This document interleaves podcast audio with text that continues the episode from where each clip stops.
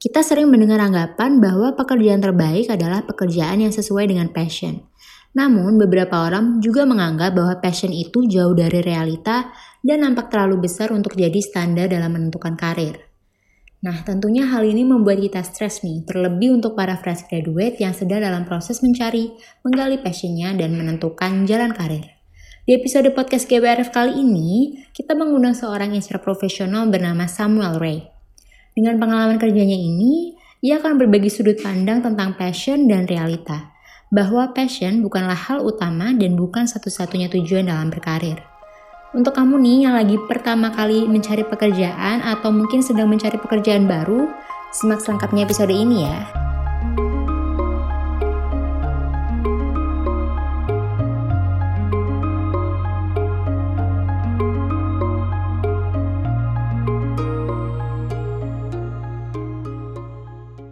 Selamat malam Kosem, apa kabar? Malam Dea, kabar baik. Kamu apa kabar? Baik banget nih, aku seneng banget bisa dapat kesempatan buat ngobrol sama Kosem sebelumnya karena sebelumnya cuma bisa lihat dari Instagram. Thank you, aku juga seneng banget malam ini ketemu sama kamu lewat platform ini. Mudah-mudahan podcast ini bisa banyak yang dengerin ya. Amin, Dan amin, amin. Banyak uh, memberkati orang lain. Iya, pasti insight dari Kosem ini berguna banget sih buat teman-teman GWRF mungkin yang lagi cari kerja atau yang baru uh, bekerja ya kok di perusahaan baru mereka gitu. Amin. Um, jadi kesibukan Kosem apa aja nih kok selama pandemi ini? Mungkin bisa diceritain selama sedikit? Pandemi, selama pandemi ini aku kan 100% kerja dari rumah ya. Yes. Jadi uh, ke kantor itu bisa dihitung jari lah, mungkin tiga atau empat kali gitu selama enam bulan kita karantina hmm. bareng-bareng. Jadi kesibukannya ya selain kerja, um, podcast-podcast begini juga ada satu dua kali IG live sama ngurus anak kesibukan paling besar saat ini. Oh iya, lagi ngurusin baby Hana ya kok. Iya, baby Hana udah bisa manjat-manjat, udah bisa tunjuk-tunjuk barang mau ini mau itu, jadi nggak sepasrah dulu. Dulu kan aku gendong dia diem aja, sekarang udah lari-lari sendiri. Udah mulai aktif ya bun? ya udah, udah bun, banget bun. Waduh, tetap kerja di rumah malah lebih enak dong, uh, lebih banyak waktu sama keluarga kan ya? Betul, kalau dilihat dari positifnya itu. Jadi uh, orang bilang kan ini setahun pertama itu kan tahun-tahun emas ya, masa-masa emas lah antara orang tua sama anaknya. Nah, aku bersyukurlah salah satu hal yang aku syukuri lewat pandemi ini aku bisa benar-benar full pegang dia sendiri gitu. Nggak hmm. harus titipin ke daycare atau ke keluarga tapi day to day-nya aku bisa uh, lihat Hana sehari-hari. Nah itu yang aku syukuri sih. Wah asik banget sih.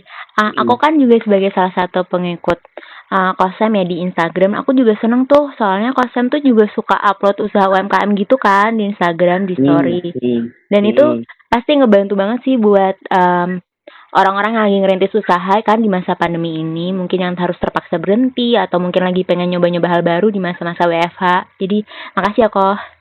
Sama-sama, sama-sama. Aku bantu apa yang aku bisa bantu lah. Kita harus saling bantu supaya di masa-masa sulit ini bisa sama-sama survive.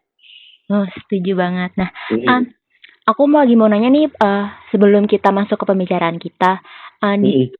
pandemi ini ngaruh nggak sih kok buat uh, pekerjaan kosem atau mungkin um, kehidupan kosem nih sebelum-sebelumnya kan sering banget keluar ngisi acara atau mungkin jalan-jalan traveling itu ngaruh nggak kok buat kehidupan kosem nih masa pandemi ini?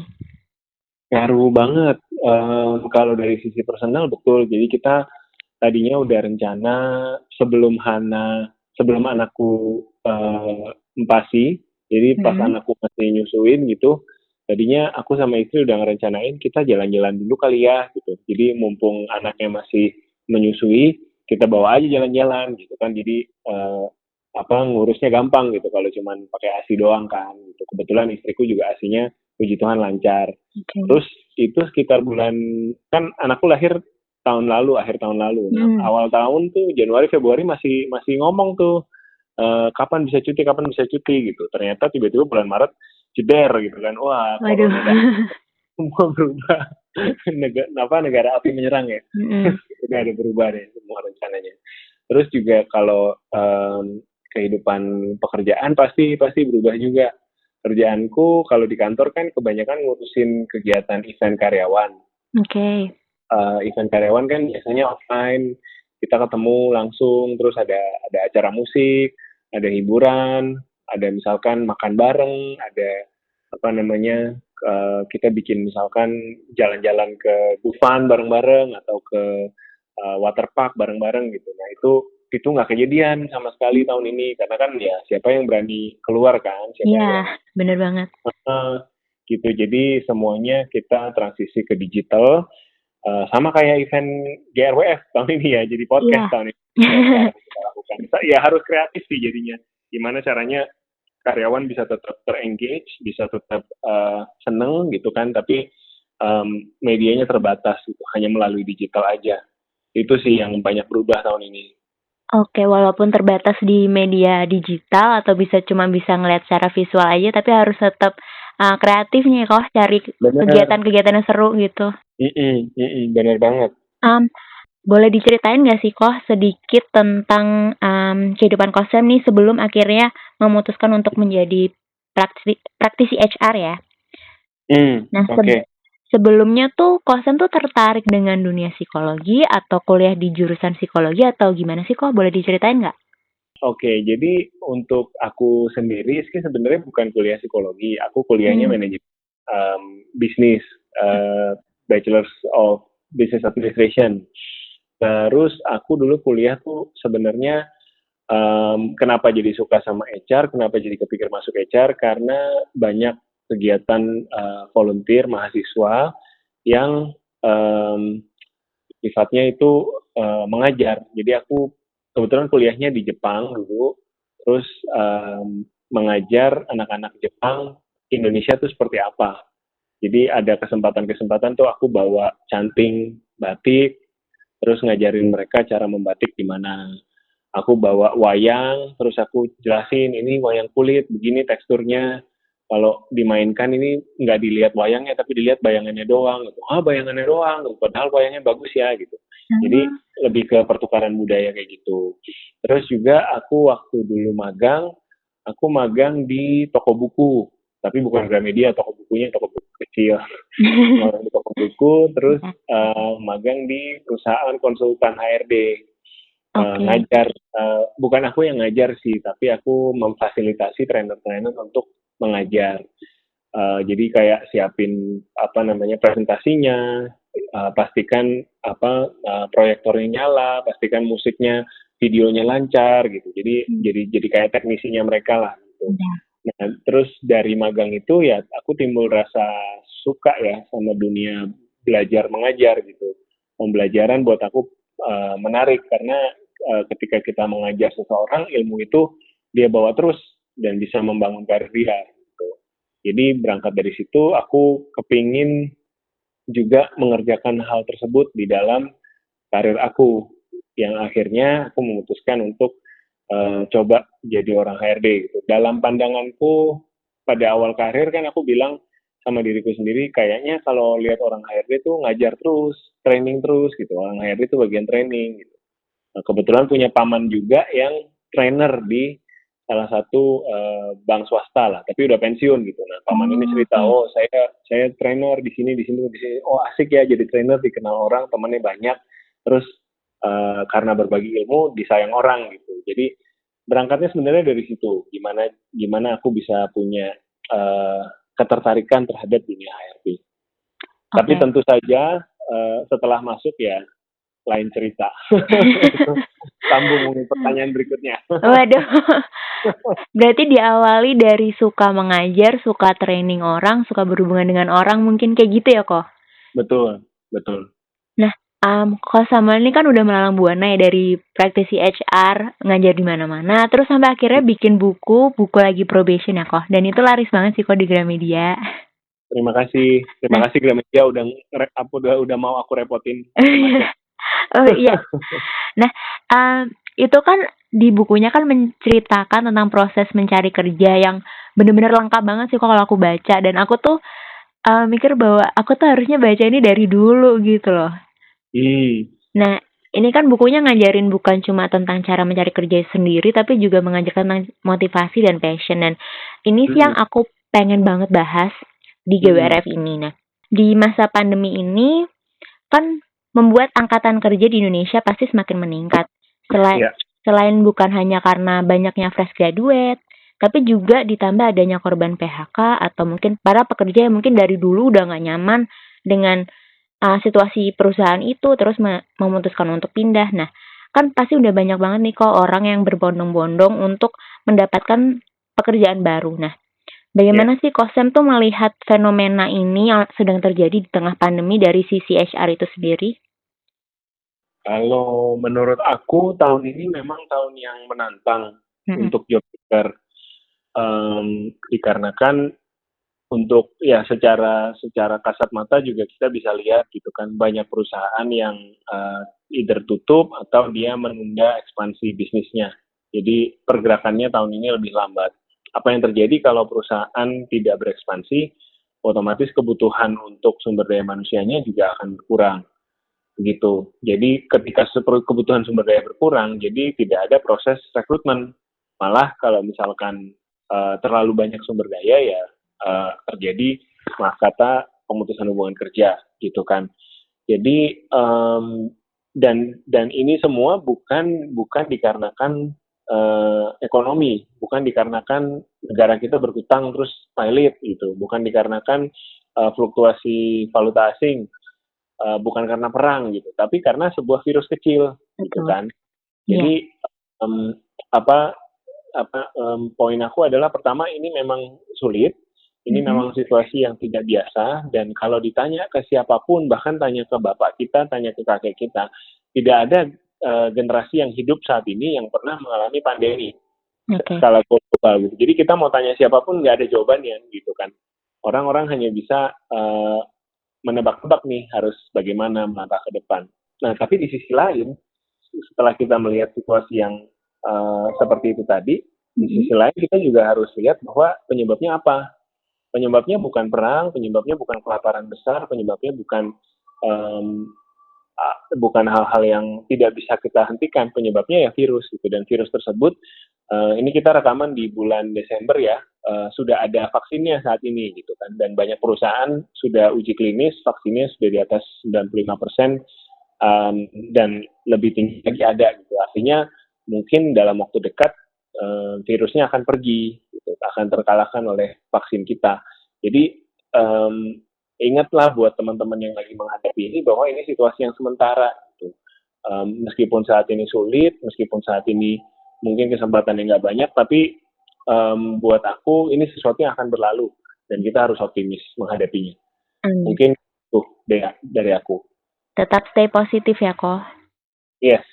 Nah, kalau pengalaman kau sendiri atau mungkin teman-teman koko nih dari uh, sesama praktisi XR, di perusahaan hmm. lain atau di perusahaan koko sendiri seperti apa sih kok dalam menghadapi banyaknya pelamar hmm. itu bagaimana kok? Namanya pelamar sih kita selalu welcome ya hmm. karena kan eh, namanya portal rekrutmen kan kita selalu buka gitu kita punya eh, sebagai HR ya secara umum biasanya kan eh, pekerjaan-pekerjaan yang tersedia kan memang di uh, diiklankan baik okay. itu di media sosial maupun di maupun di karir uh, portalnya perusahaan tersebut atau biasanya ya apply ke sini alamatnya apa alamat hmm. jadi buat buat saya dan buat aku dan banyak teman-teman HR lain aku rasa uh, ini hal yang lumrah gitu menerima banyak aplikasi setiap harinya cuman memang um, kita kan namanya HR uh, kewajibannya yang menyortir gitu kan kita harus menyortir mana kandidat yang terbaik dan paling cocok untuk perusahaan terbaik bukan berarti nilainya paling bagus juga, bukan berarti perusahaan yang paling keren. Jadi terbaik itu faktornya banyak. Um, ketika kita udah interview, udah cocok, taunya user nggak suka, itu juga uh, belum tentu belum tentu diambil gitu kan. Meskipun misalkan nilainya bagus, kaliber perusahaannya bagus, tapi user kita, user artinya orang yang akan bekerja bersama si kandidat ini, kalau dia nggak suka ya kita nggak ambil gitu. Jadi um, apa namanya proses rekrutmen tuh memang apa ya bukan ditentukan oleh satu orang meskipun kadang kalau lihat uh, media sosial gitu kan Pak hmm. Bapak HRD kepada Bapak HRD kasihanilah kami segala macam sebenarnya sering lihat oh, oh, yang yeah, apa sedih gitu dibikin memesnya yang sedih-sedih kan uh, mengundang rasa kasihan gitu. Sebetulnya bukan seperti itu proses rekrutmen gitu. Hanya HRD itu hanya satu dari sekian banyak orang yang mengambil keputusan. Jadi tapi ya yang namanya resiko kerjaan ya kita udah udah udah ambil profesi ini ya harus tetap jalanin gitu. Tapi buat aku sih nggak um, apa-apa sih kita sangat positif tetap ketika ada teman-teman yang apply berusaha sebaik-baiknya uh, treat mereka dengan um, baik tergantung dari kesempatan yang ada. Oke, okay. berarti memang dari sisi HR itu harus selektif dan juga bukan ditentukan oleh satu orang, tapi ya memang ya. harus mencari orang yang benar-benar fit in untuk perusahaan itu ya kok. Betul, betul. Nah, um, di masa-masa ini kan ngelamar untuk banyak perusahaan itu kan wajar ya kok. Mm -hmm. Nah, bahkan mungkin gak sedikit dari mereka nih yang akhirnya menjauhkan diri dari passion mereka nih sebenarnya apa, tapi ya hmm. udahlah yang penting dapat kerja yang penting bisa makan. Nah hmm. sebelum lebih jauh nih pengertian konsep tentang passion tuh apa sih? Oke pertanyaannya passion itu apa? Nah menurut aku um, passion itu semata-mata sesuatu yang kita punya uh, kesukaan terhadap hal tersebut yeah. passion itu kalau diartikan um, terjemahan harfiahnya apa gairah atau keinginan atau kesukaan gitu kan terhadap sesuatu seperti itu. Nah, um, menurut aku yang kita suka uh, lupa, yang kita suka lupa lihat bahwa passion itu tidak ada, tidak hanya kita bisa temukan di tempat kerja. Kita tidak hanya dalam hidup gitu kan, kita kan manusia yang multidimensi ya. Kita ada sisi kerjaan, kita ada sisi pribadi, kita ada sisi hobi, ada berbagai macam facet gitu dalam hidup. Nah, kita terkadang lupa bahwa passion itu tidak melulu tentang mengerjakan sesuatu yang kita suka gitu. Jadi passion itu bisa juga kita temukan di uh, hobi. Misalkan okay. kita, aku lagi suka nonton My Mister gitu, uh, drama Korea yang menurutku bagus banget. Nah, aku passionate sama sama drama My Mister. Aku suka banget sampai aku iklanin di Instagramku kan kalau kamu hmm. lihat. Sorry, ya aku aku, aku lihat. Uh, terus um, aku lagi passion sama anakku baru lahir, baru baru setahun lagi lucu-lucunya. Itu kan juga passion gitu. Um, mungkin yang yang menyebabkan banyak dari kita, khususnya teman-teman yang usia 20-an pertengahan ya, uh, punya point of view yang cenderung uh, zoom in terkait passion adalah karena di usia 25-an itu juga adalah usia di mana kita tuh menemukan jati diri kita. Kita berusaha menemukan jati diri kita, kita berusaha menemukan siapa diri kita, karakteristik kita, uh, jadi orang gitu. Kalau orang Indonesia kan bilang kamu udah jadi orang apa belum. Nah, kita menemukan kitanya jadi orang tuh di usia-usia segitu, 20 tahun. Jadinya uh, sering anak-anak uh, first jobber berusaha mengaitkan uh, identitasnya, sesuatu yang dia suka dengan pekerjaannya gitu. Which is uh, tidak salah juga kalau itu dilakukan, tapi juga di sisi lain um, kita nggak boleh lupa bahwa di luar kerjaan ada loh hal-hal lain yang kita bisa punya passion tentang itu gitu. So um, open your mind, menurut aku open your mind, uh, look around. Um, kalau tidak ketemu passion di tempat kerja, uh, ada hal-hal lain in your life that you can be passionate about. Oke, okay, berarti menurut Kosem, um, passion itu bukan hal utama ya kok dalam berkarir? Menurut aku bukan. Menurut aku passion itu uh, bisa membantu kita at least menentukan arahan awal lah, gitu. Hmm. Kayak tadi mungkin aku cerita di awal, uh, aku tertarik sama dunia HRD karena ini dan itu gitu kan. Aku yeah. punya episode dalam hidupku yang aku terekspos dengan mengajar, terekspos dengan ketemu orang baru, dengan uh, per, suasana kelas dan aku suka gitu.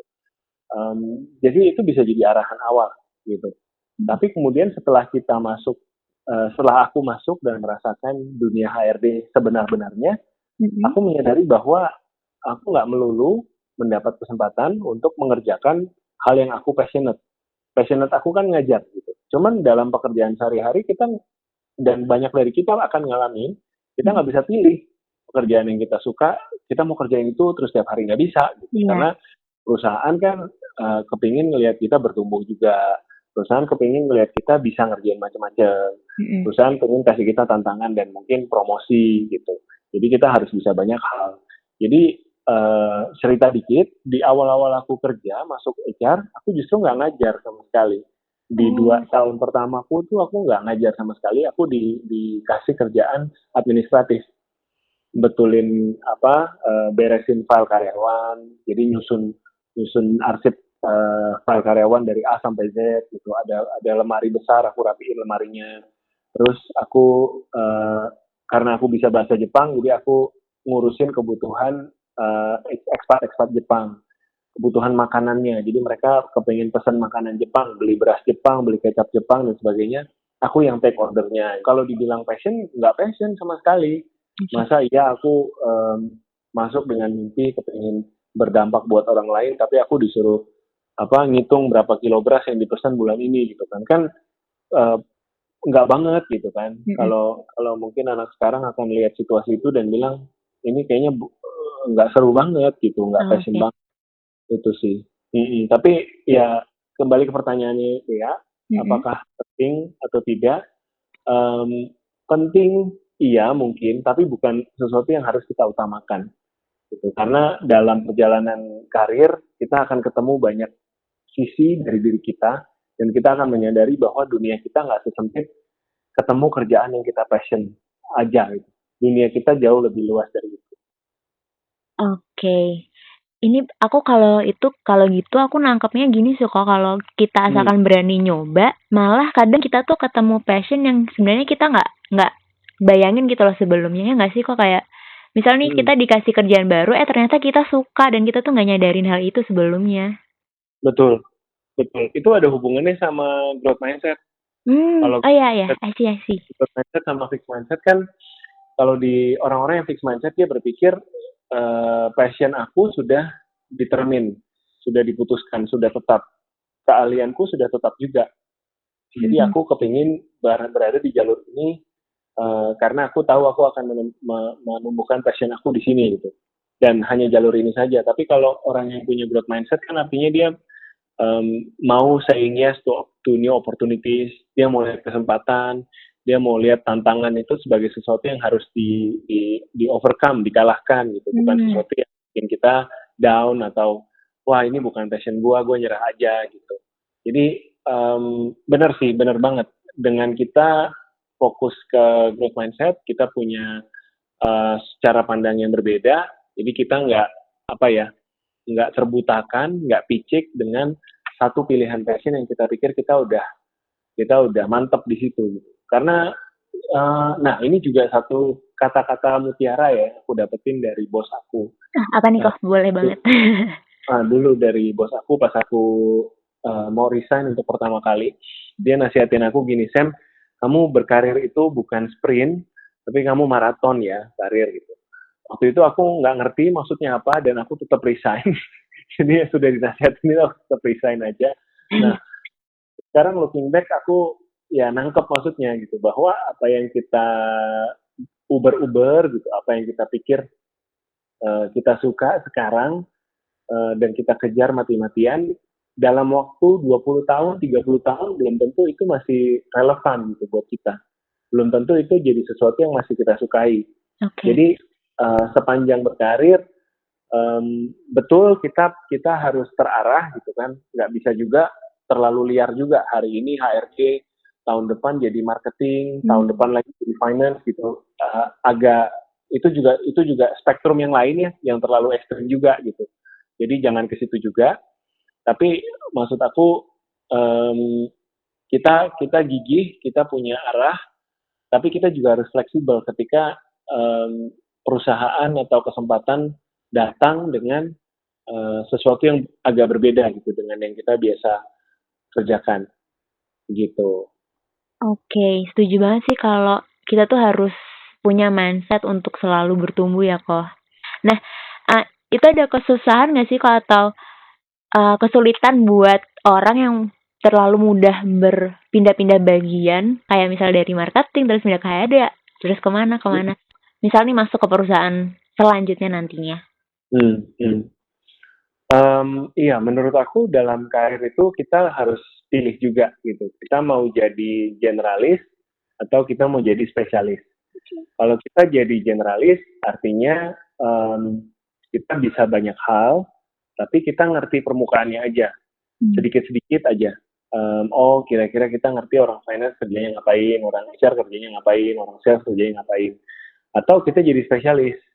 Um, kita mendalami satu uh, bidang sampai ngerti ke akar-akarnya gitu. Kayak yang aku lakukan sekarang, aku 8 tahun kerja jadi orang HRD, hmm. aku mendalami bidang HRD gitu.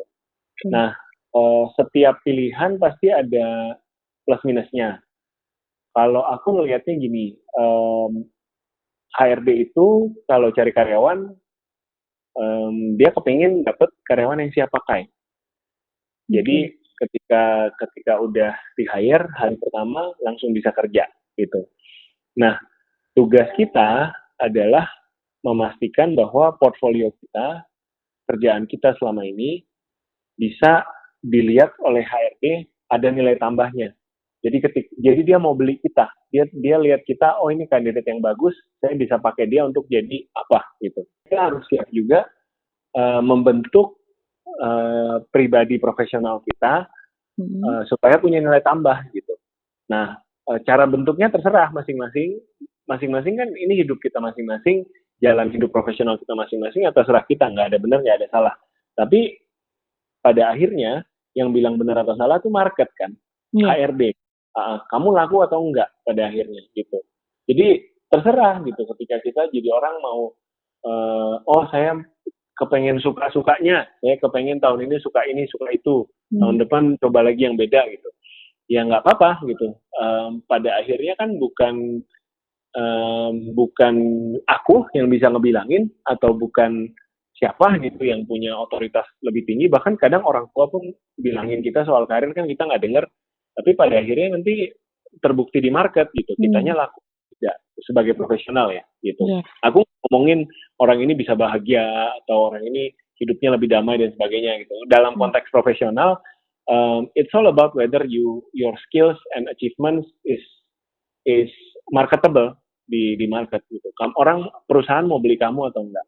Ujung-ujungnya it, it boils down to that. That's that's what I believe. Makanya uh, harus buat teman-teman yang terutama baru tahun pertama kerja, tahun kedua kerja, really really think about your direction, really really think about where you want to go um, and build yourself as a professional. Benar-benar dipikirin kamu tuh mau jadi apa? gitu, skill-skill apa yang kamu mau miliki sehingga ketika orang HR ngelihat kamu atau siapa pun um, mungkin CEO atau siapa pun ngelihat kamu di etalase kan kita semua produk kan pada akhirnya gitu. Hmm. dipajang di etalase mereknya beda-beda Nah dia mau ambil mereknya kamu atau enggak? Dia percaya enggak dengan brand yang kamu bangun selama ini? Itu hmm. yang itu yang penting ya untuk dipikirkan. Oke, okay. aku jadi mikir serius banget sih kok tentang hmm? kehidupan tentang berkarir gitu. Nah, kan mungkin ada pembelaan nih kok dari hmm. orang-orang yang uh, pengen pindah atau berpindah-pindah hmm. seperti itu. Mungkin ada hmm. pembelaan bahwa mereka nih pengen cari passion mereka nih sebenarnya apa sih kalau Misalnya hmm. nih, uh, aku nggak ngerasa cocok di marketing, terus aku pengen pindah di sini, ah mungkin di sini cocok atau mungkin hal hal-hal seperti itu. Nah, sebenarnya tuh hal hmm. utama dalam berkarir menurut Kosem yang baik tuh seperti apa sih kok? Menarik, menarik. Kalau menurut aku, hmm, menurut aku ya dalam berkarir itu yang paling penting kita bisa marketable sih, bisa punya skills yang marketable dan kita bisa bangun profesional karir kita dengan baik gitu. Hmm. Um, kalau kita bicara soal apa namanya mental health atau happiness itu lain ya. Mungkin kita bicara soal soal um, soal gimana kita apa ya istilahnya ya membangun membangun kesehatan mental kita mungkin mungkin lain cerita. Gitu. Ya, beda beda konsep mungkin ya kok. Mungkin, mungkin itu payung payung diskusinya lain ya, hmm. aku rasa.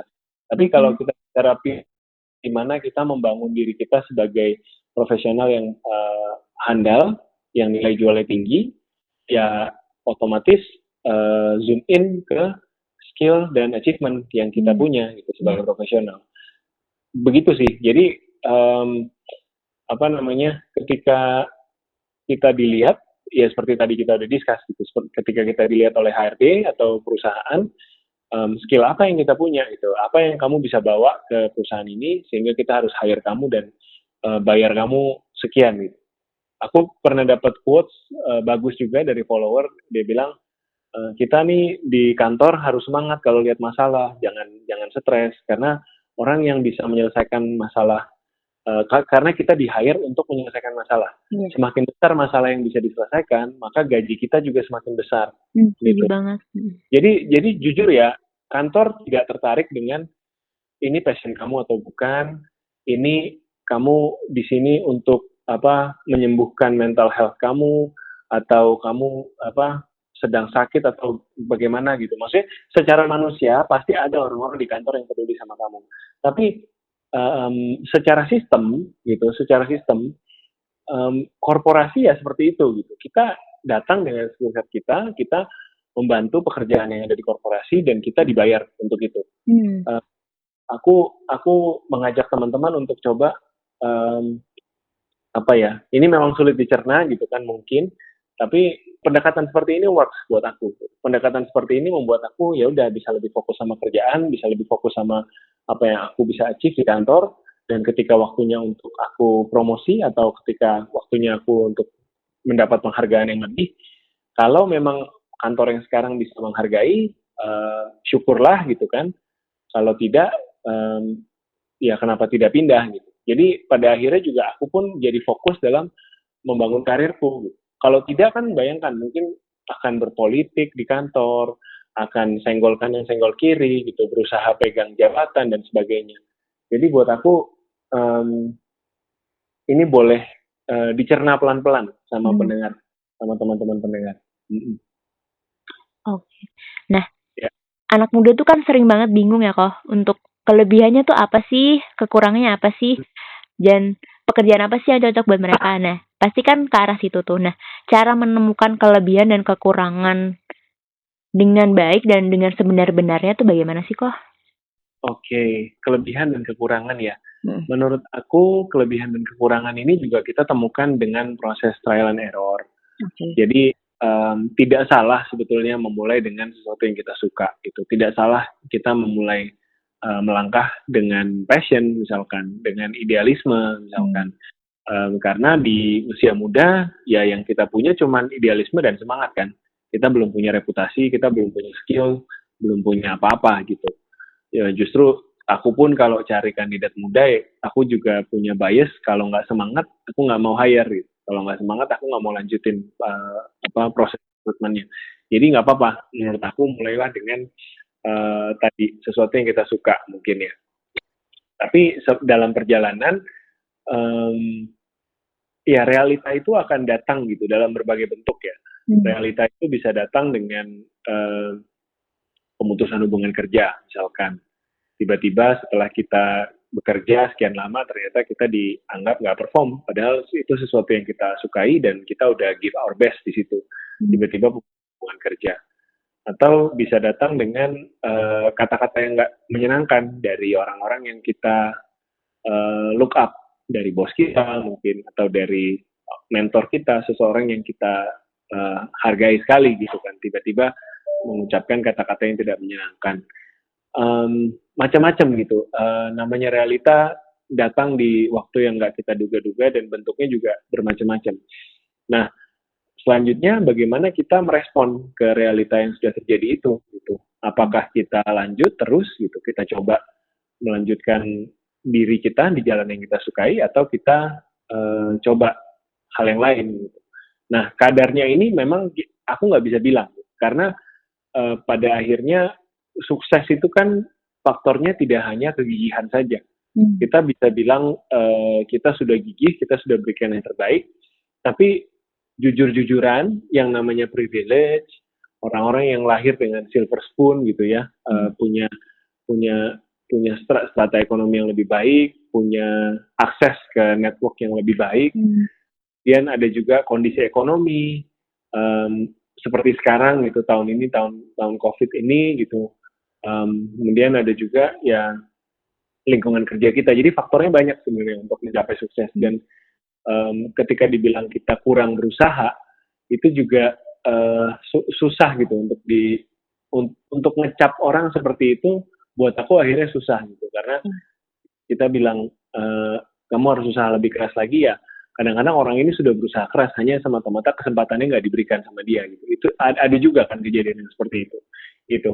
Jadi buat aku um, ringkasnya prakteknya biar gampang ya udah kita tetap mencoba gitu. Kita tetap mencoba kita tetap um, tahu uh, arahan kita ke depannya mau ke mana kita mau ambil jalan yang seperti apa kita coba gambar dulu gitu di di di mindset kita kita gambar dulu seenggak jelas nggak jelasnya itu saat ini um, coba dulu gitu punya, visualisasi ke arah sana lalu berstrategi pelan-pelan untuk mencapai hal tersebut um, misalkan kamu pengen jadi uh, misalkan orang HRD gitu, pengen jadi HR director dalam 20 tahun dalam berkarir misalkan. Hmm.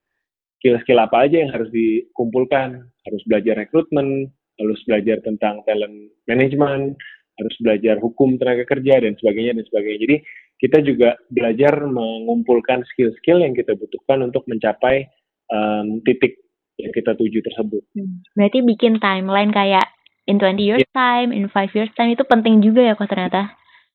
Yes, betul, betul. Nah, dia ceritainnya lebih simple dari aku. Ini bencana aja sih kok. nah, benar, benar. Hmm. Jadi bikin timeline penting dan gimana kita sesuaikan terus gitu timeline okay. tersebut apa yang kita udah capai saat ini.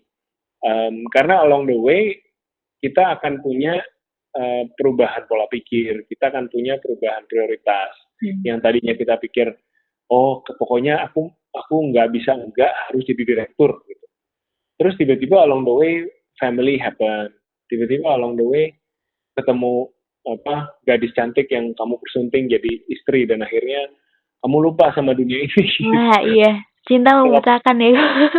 Tuh, jadi kita cinta membutakan betul. Dan hmm. bukan hanya cinta ya, itu satu contoh gitu tapi tetap itu tadi kita bikin goal tuh penting karena kalau enggak uh, yang namanya karir itu kan kita kalau kita nggak take control kalau kita nggak ambil kendali nanti orang lain yang ambil kendali kalau no. kita nggak ya kalau kita nggak secara sadar bilang uh, benar ini kejadian sama aku di tahun hmm. aku berkarir gitu aku aku bilang aku ditawarin MT ditawarin manajemen trainee hmm. uh, di di perusahaan pertamaku terus aku bilang enggak aku nggak mau Aku bilang nggak mau karena aku tahu MT itu akan menyita tiga tahun dari hidup aku dan belum tentu di akhir MT itu aku uh, bisa jadi orang HRD. Yeah. Gitu. Bisa aja mereka rotasi aku ke departemen lain dan aku end up doing something else gitu. Hmm. Nah kalau dipikir-pikir ngotot gitu ya, uh, sok tahu banget nih bocah kecil ini hmm. belum belum punya apa-apa tapi uh, ngotot banget gitu. Tapi lihat ke belakang, aku bersyukur sih aku mengambil kendali ya karena hmm um, yang aku pelajari itu tidak tidak selalu apa yang jadi prioritas perusahaan adalah prioritas yang terbaik buat kita. Mungkin perusahaan punya maksud yang terbaik gitu. Uh, another opportunity datang ketika aku uh, sempat mau dikasih international assignment di di waktu itu dekat sih ke Malaysia gitu setahun. Tapi akhirnya uh, aku pikir-pikir gitu prioritasku apa lagi gitu. Again oh, kan kasih sesuatu kan pasti ada timbal baliknya. Aku dikirim setahun, aku disuruh stay dua tahun. Hmm. Uh, jadi tiga tahun total aku harus abdikan hidupku gitu. Apakah dalam tiga tahun itu uh, aku aku terus berstrategi. Aku jadi mikir, apakah dalam tiga tahun itu gaji aku bisa naik sekian persen gitu, 20 persen per tahun? Uh, belum tentu bisa ya gitu. Karena aku uh, punya goal saat itu gitu. At the back of my head, aku harus mencapai uh, angka gaji sekian. Okay. Gitu. Jadi jadi pada akhirnya aku pun bisa berpikir untuk diriku sendiri gitu. Kalau dari perusahaan, kak aku nanya ke semua orang di perusahaan, suruhnya ngambil ya kak, ya, ya ngambil lah mereka. Uh, Wah Sam ini opportunity once in a lifetime, ini hmm. bagus sekali dan sebagainya. Tapi ya aku aku bilang akhirnya aku berpikir untuk diriku sendiri gitu. Aku berpikir apa sih yang terbaik buat Samuel, bukan buat Samuel dan perusahaan ini, tapi buat Samuel sendiri oh kayaknya Samuel sebaiknya stay dan kebetulan nih ada job offer lain nih dari tempat lain uh, dan ambil job offer ini. Mungkin it's time to move on. Mungkin it's time to start career in a new company dan uh, dapatkan salary increase-nya gitu instead of uh, pindah ke luar negeri. Nah, aku cerita ini bukan buat dijadikan contoh bahwa gaji lebih gaji tinggi lebih baik daripada ke luar negeri. Maksud aku adalah kita masing-masing tuh harus punya prioritas masing-masing.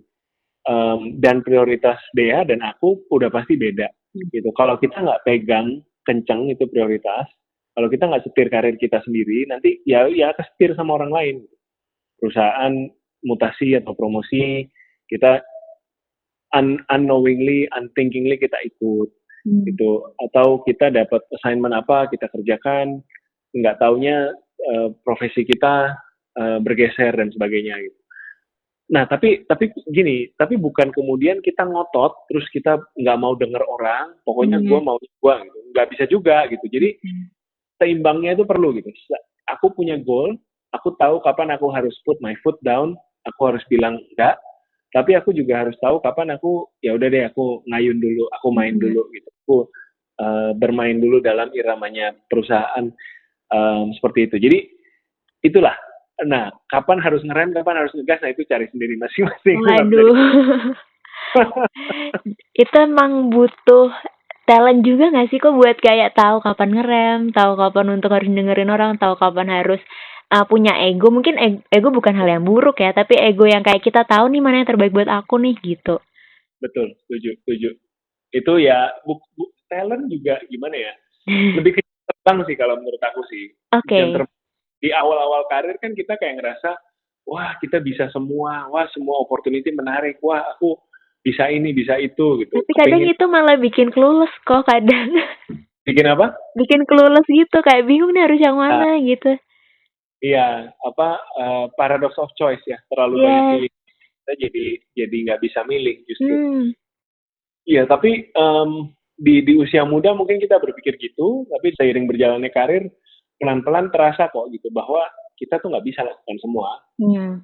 Itu kalau kita berusaha bisa ini bisa itu uh, tidak ada skill set yang kita bangun secara tekun, pada akhirnya um, ya udah kita cuma tahu dikit-dikit aja gitu kita nggak punya sesuatu yang kita bisa jual untuk diri kita sendiri.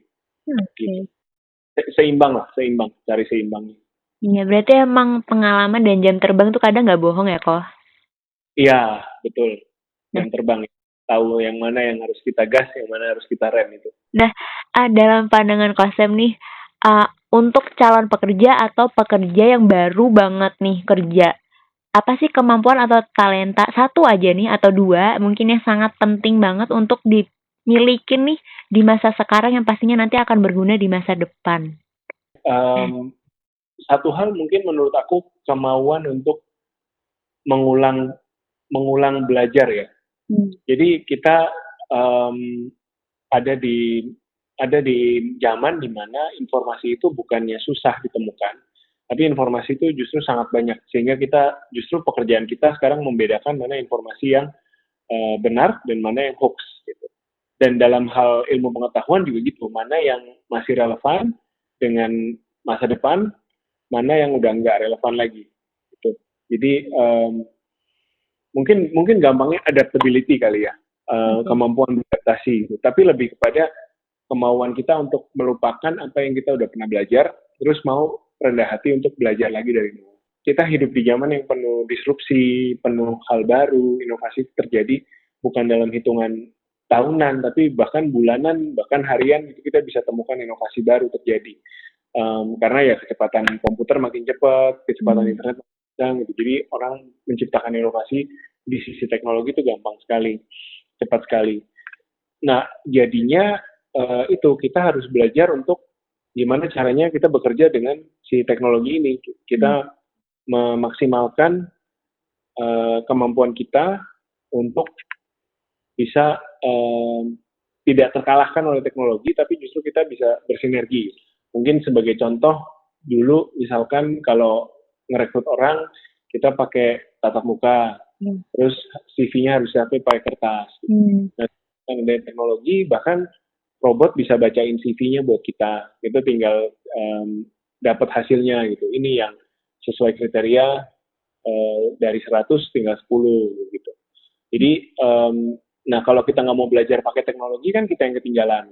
Ada mungkin rekruter yang aku rasa sih nggak ada ya, cuman misalkan ada rekruter yang masih ngotot gitu. Zaman sekarang masih mau paper paper base di screening satu-satu dibaca satu-satu ya nanti kan dia yang ketinggalan juga. Mm -hmm sudah ada teknologi, justru kita harus berkawan dengan teknologi, kita belajar adaptasi. Itu satu skill yang menurut aku penting ya, dimiliki siapa pun di di era kerja saat ini. Iya, setuju banget sih. Karena dunia ini semakin fast-paced, semakin cepat, dan kadang itu kita nggak nyadar, oh ternyata udah berubah ya, suatu hal Betul. gitu. Betul. Yeah. Aku kemarin baca artikel dari The Guardian, mm -hmm. itu artikelnya yang nulis uh, eh, AI. Jadi yang nulis oh. robot. Oh my god. Cari deh dengan uh, eh, AI artikel gitu. Kata hmm. kuncinya. Kalau kamu baca dan kamu nggak tahu itu ditulis sama robot, itu flawless bahasa Inggrisnya. Betul-betul kayak ditulis manusia biasa aja. Itu dia oh. Kasih di feeding topik gitu. Kamu nulisnya tentang ini, ini, ini, ini. Ini referensi bacaan kamu, silakan baca. Ya udah terus bikin artikel sendiri. Udah dia bikin gitu dalam hitungan jam jadi artikelnya. Jadi AI itu bisa mengolah kata menjadi suatu bacaan yang kadang malah lebih bagus daripada manusia yang nulis gak sih? Aduh, jadi takut nih kadang. Jadi kita harus bisa adaptasi gitu. Yes, yes bener. Harus jangan kemakan sama teknologi itu sih kayak survivingnya harus kuat gak sih kok kalau di masa sekarang? Betul.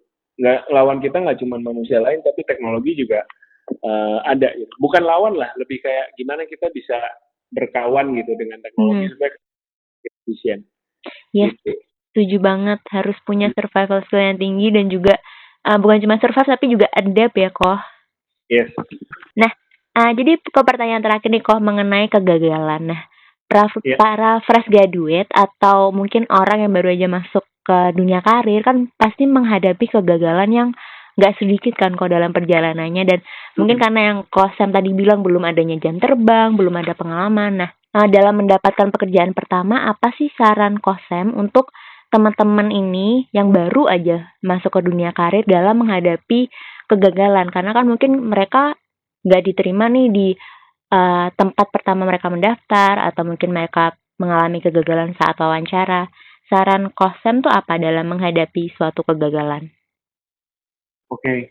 um, kalau dalam hal mencari kerja, uh, pesan aku sih cuman satu ya, dan aku sering sampaikan ini di YouTube channel atau di apa sharing-sharingku yang lain. Uh, pesan aku adalah perusahaan itu banyak. Ketika teman-teman gagal di satu perusahaan, uh, iya pasti kecewa, iya pasti uh, apa patah hati lah gitu. Cuman jangan sampai kita putus asa terus kita berhenti coba karena um, mungkin kita ikan kecil gitu di di satu akuarium besar. Tapi kalau kita pindah ke kolam yang lebih kecil, mungkin ikan-ikan di sana ukurannya lebih lebih sama dengan kita, kan ada yang lebih kecil. Gitu. Hmm. Jadi ngerti ya analoginya ya, maksud ya, aku. Ngerti banget. Kolam yang ini mungkin kita bukan siapa-siapa di hmm. perusahaan ini mungkin kita bukan siapa-siapa, tapi kita pindah kolam itu skill dan achievement yang kita punya bisa jadi lebih dihargai di sana hmm. gitu dan dan there's nothing wrong with that there's nothing wrong with that mungkin uh, in your early 20s it's important it's important to brag to have the coolest company written on your name card gitu. Mungkin it's important back then. But trust me makin teman-teman bertumbuh secara umur dan secara lingkar perut ya it will become important. It will become less and less important. Because hmm. at the end of the day selama kalian digaji rupiah, selama kalian bisa accumulate skill dan achievement yang sama di perusahaan mana pun, selama kalian bisa bikin network yang bagus, doesn't really matter what company, doesn't really matter. Aku banyak ketemu teman-teman yang dia mulai karirnya di tempat yang nggak jelas, yang kecil, terus pelan-pelan dia bekerja, prestasinya bagus, dia dilihat sama bosnya, bosnya pindah ke perusahaan yang lebih besar, dia ikut di bawah. Okay. Jadi uh, jalannya macam-macam gitu.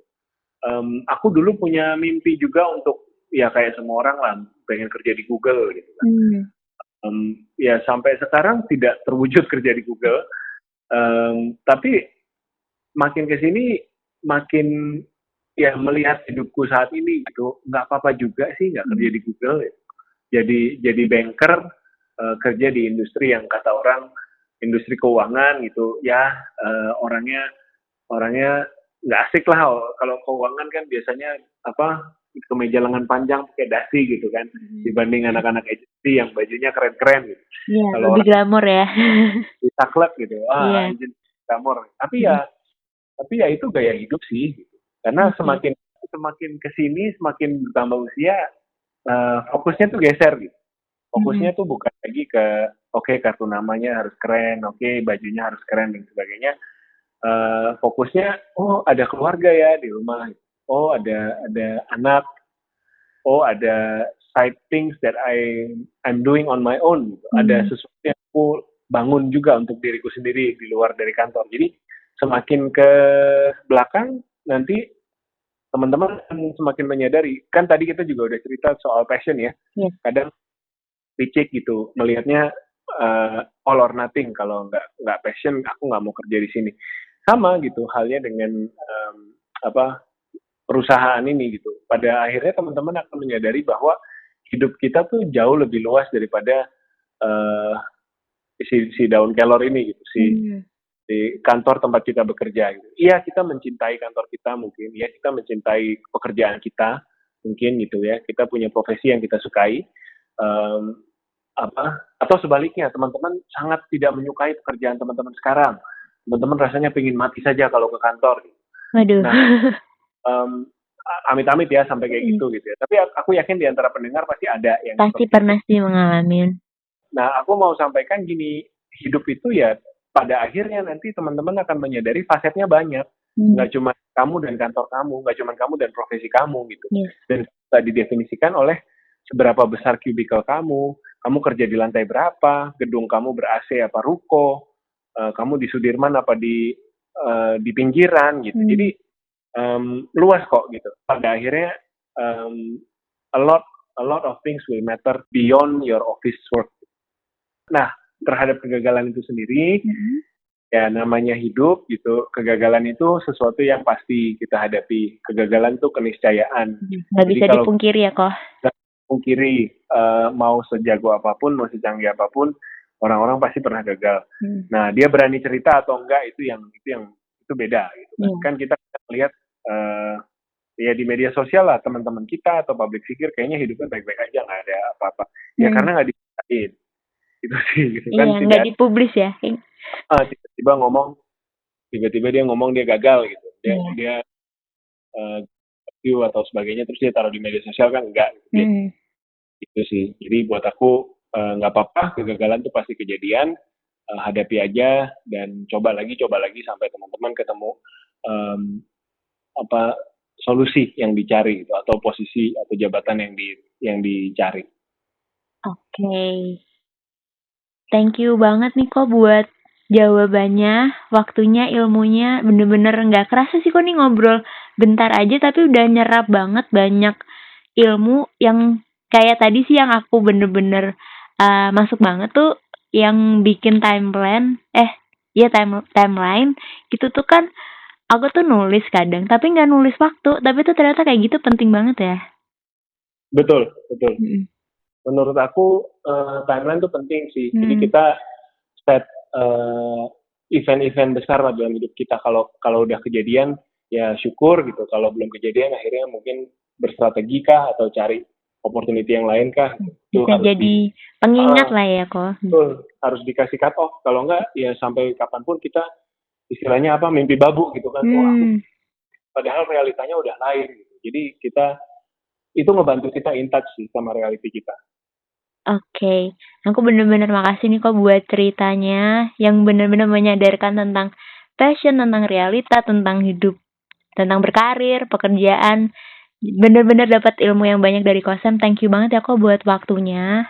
Sama-sama Dea. Thank yeah. you udah wawancara aku juga. Iya, sorry kok menyita waktunya nih semalam malam-malam. Gak apa-apa, gak apa-apa. Iya. Senang bisa jadi uh, apa namanya inspirasi buat teman-teman yang dengerin juga Uh, mudah-mudahan ini bisa bermanfaat. Kalau teman-teman mau beli bukunya, uh, beli buku aku judulnya lagi probation, udah dari Gramedia. atau kalau mau follow aku di Instagram atau subscribe ke YouTube juga boleh cari aku di uh, Samuel Ray nama lengkapnya di yeah. kedua platform.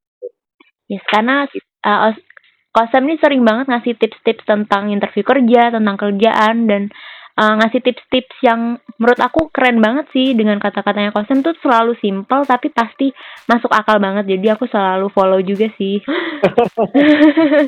ya. Ya, uh, terima kasih banget ya Kosem buat waktunya. Selamat malam Kos, terima kasih. Sama salam buat teman-teman ya. Ya, pasti aku salamin Kos. Terima kasih banyak ya Kos buat waktunya. Oke, okay, bye. Bye Kosem. Begitulah diskusi inspiratif kita bersama Samuel Ray. Apa pun pekerjaannya, lakukan yang terbaik dan fokuslah untuk terus mengembangkan diri menjadi lebih baik. Ingin tahu cara terbaik dan tercepat mendapatkan pekerjaan? Dimulai dari membuat CV, wawancara kerja, cara mengerjakan tes, dan banyak hal lainnya, kalian bisa dapatkan semua itu secara lengkap di buku Samuel Ray yang berjudul Lagi Probation. Yuk kunjungi Gramedia, atau kamu bisa pesan online di gramedia.com. Terima kasih sudah mendengarkan. Stay safe, jaga kesehatan, dan sampai jumpa di episode podcast GWRF selanjutnya. Salam inspirasi.